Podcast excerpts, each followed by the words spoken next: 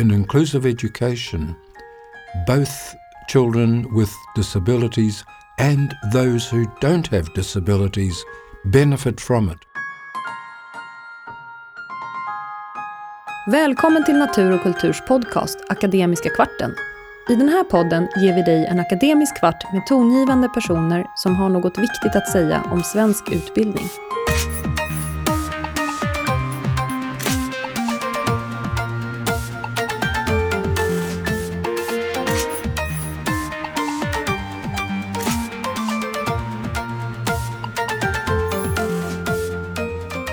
Jag heter Niklas Gårdfeldt Livi och är utgivningschef för pedagogisk litteratur på Natur och kultur. I det här avsnittet träffar jag David Mitchell, nyzeeländsk gigant inom fältet inkludering.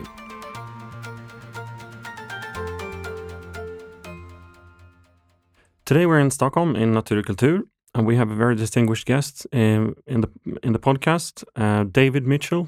Uh, you have written two books that we have published. Um, you have you have written more books than two, but we have published two of your books, Yes. Inkludering i skolan and Mångfald i skolan. Uh, could you introduce yourself to the to your Swedish listeners, please? Yes, uh, thank you, Nicholas, uh, for inviting me here and uh, for uh, to enable me to participate in the conference yesterday. Um, I'm from New Zealand. I'm a retired professor, although I think uh, best described as a failed retiree because I'm working uh, continuously with writing books and uh, giving lectures, um, particularly in Scandinavia and especially in uh, Sweden. Yeah, and um, uh, if we talk about your first book that we published, Yes. um, um, i skolan, it's about inclusion. hmm Um, and uh, John Hattie has uh, written that uh, that's the book that he wish he would have written. Yes, I'm very flattered. But if we kind of start from um, a, a more or less a basic uh, perspective, because everyone is not familiar with the concept of inclusion, can you just uh, frame uh, the word inclusion when it comes to education, please? uh, inclusion to me is a multifaceted idea. Um, too often people think of inclusion simply being placing children with um, disabilities or special needs in regular classes. That's necessary, but it's not sufficient. Uh, my argument uh, has been that inclusion really means providing um, appropriate um, curriculum, appropriate assessment, um, appropriate teaching methodologies or strategies, um, good support from um, other professionals to assist the teacher in bringing about uh, good education uh, for such children.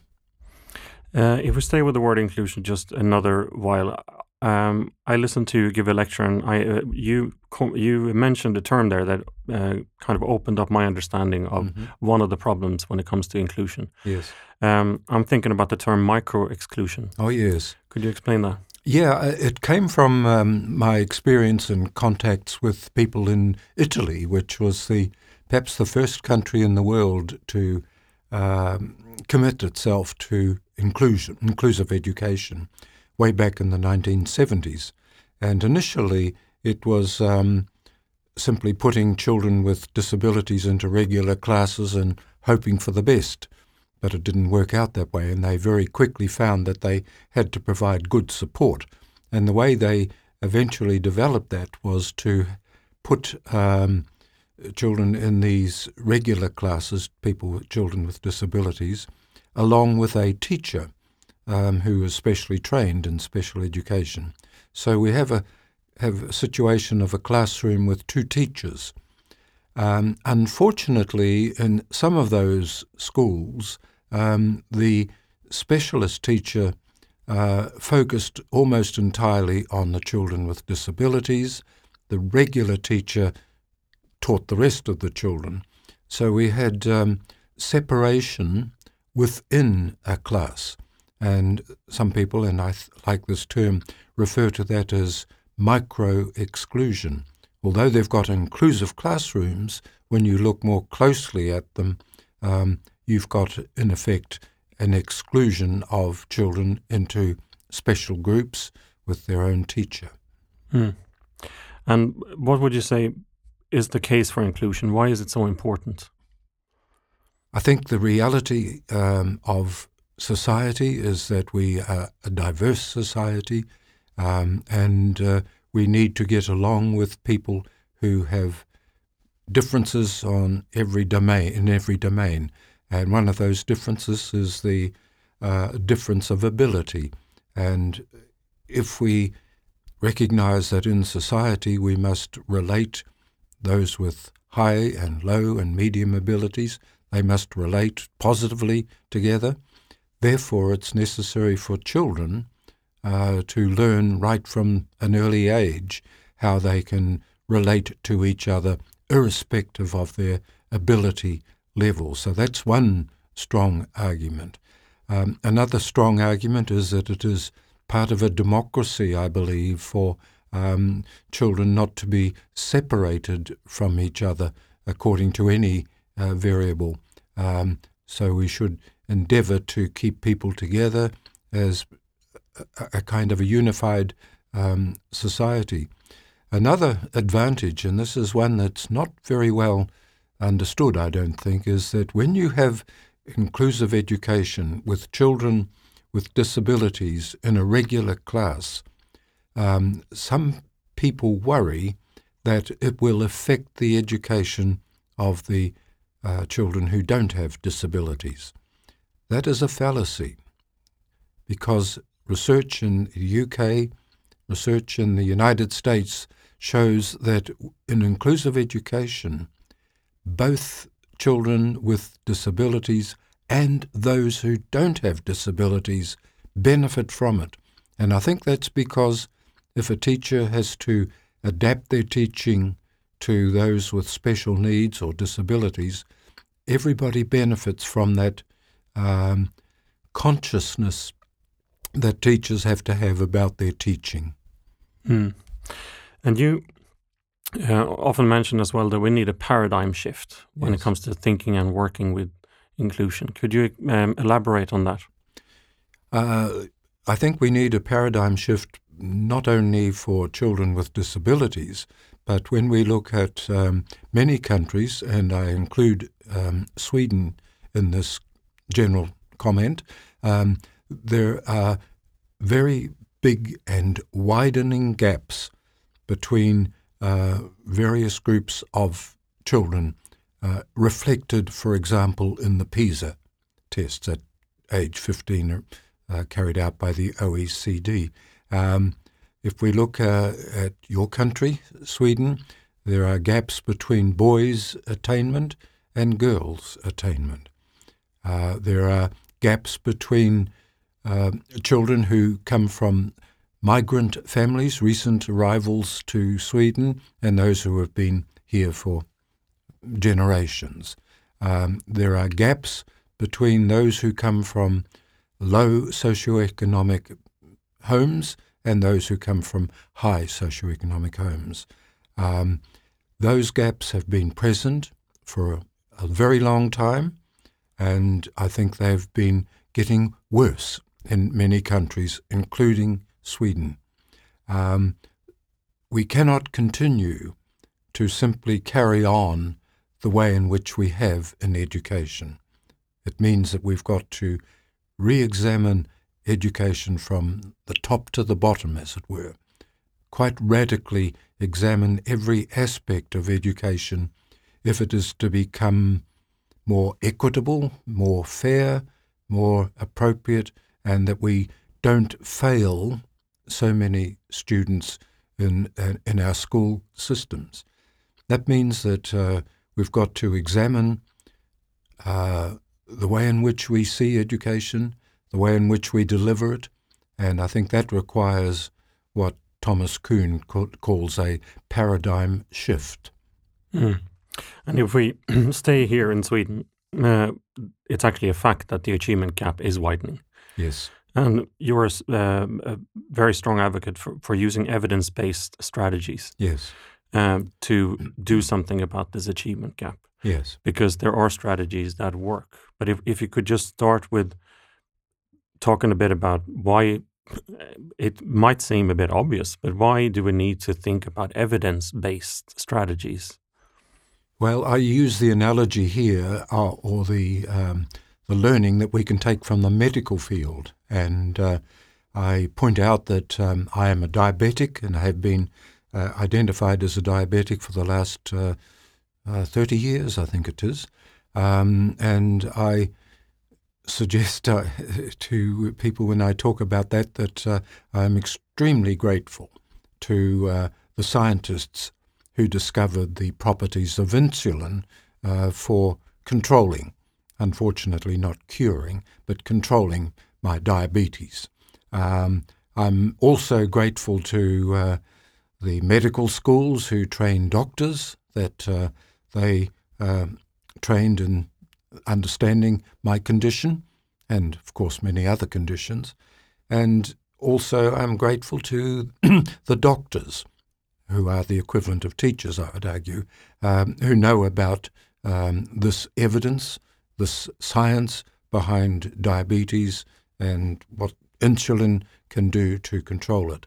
My argument here is that we should be acting a little bit more like the medical profession in education, taking note of the very, very extensive research literature that exists in um, effective means of teaching children, uh, particularly those with um, special educational needs, um, and we should be employing those techniques in the classroom.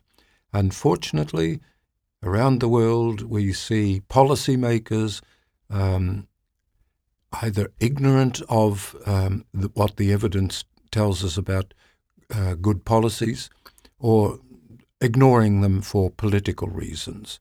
Um, and unfortunately, um, the teaching profession around the world is not really focused on uh, examining closely what the um, evidence tells us about effective teaching strategies. By effective, I mean what strategies lead to better um, educational achievement, academic achievement, what strategies lead to improved behavior in our schools, which is, by the way, a universal and growing problem. Could you maybe name um, a strategy that you list in your book? Um, well, there's one strategy which I um, like to talk about in detail, and that is um, the use of um, small group teaching. Um, and allied with that is uh, the one to one teaching. Uh, we refer to that as peer tutoring.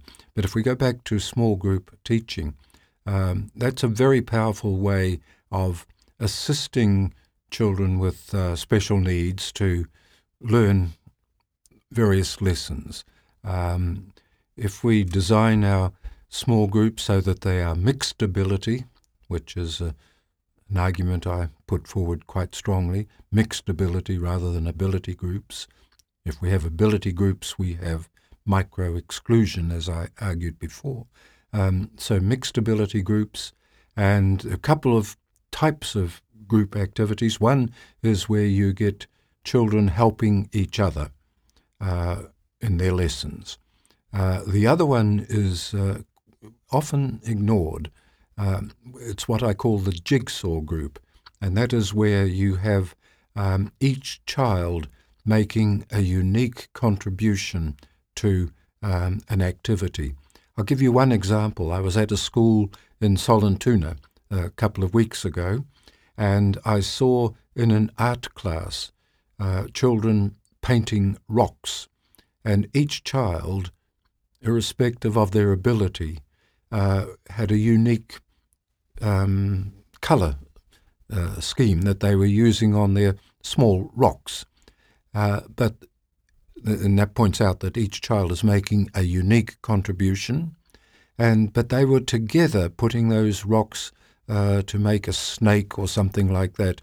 Uh, so they were combining their efforts to make something new for the group as a whole. Mm. And uh, we could finish with one last question, which is I, I can go back to your you saying a unique contribution. Yes. Diversity nowadays is sometimes seen as problematic Yes. by some people, Mhm. um, and we focus quite often on deficits, Yes. pe- uh, students' so-called deficits. Mhm. What what's your take on diversity if we put it in the classroom? Um, if we take the analogy of biodiversity, I think it's increasingly recognized that um, biodiversity is good for the planet and it's good for human beings um, to have um, a wide range of plants and animals available um, for the future uh, as well as for the present. Um, I'm arguing the same thing applies to human diversity. Human diversity enriches society. Out of diversity comes um, different solutions, different world views, which I think um, uh, is going to create possibilities for solving problems in unique ways in the future, ways in which a, uh, a monocultural society may not uh, think of. So I think diversity uh, uh, enables diversity of thinking, diversity of um, ways of approaching problems, which everybody will benefit from, and particularly when we think of a of an unknown, perhaps even threatening uh, future in the world, um, we will need um, diverse approaches to to problems. That that's one strong argument. The other one, of course, is the democratic rights of people to um, have their um, cultures, have their gender, have their personalities um, respected, um, uh, and rather than everybody being evened into a homogeneous kind of personality or society. David Mitchell, thank you very much. Thank you for the opportunity.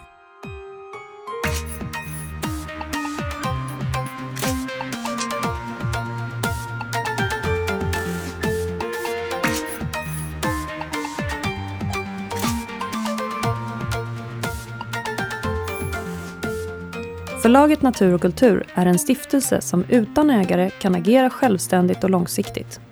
Vårt mål är att genom stöd, inspiration, utbildning och bildning verka för tolerans, humanism och demokrati.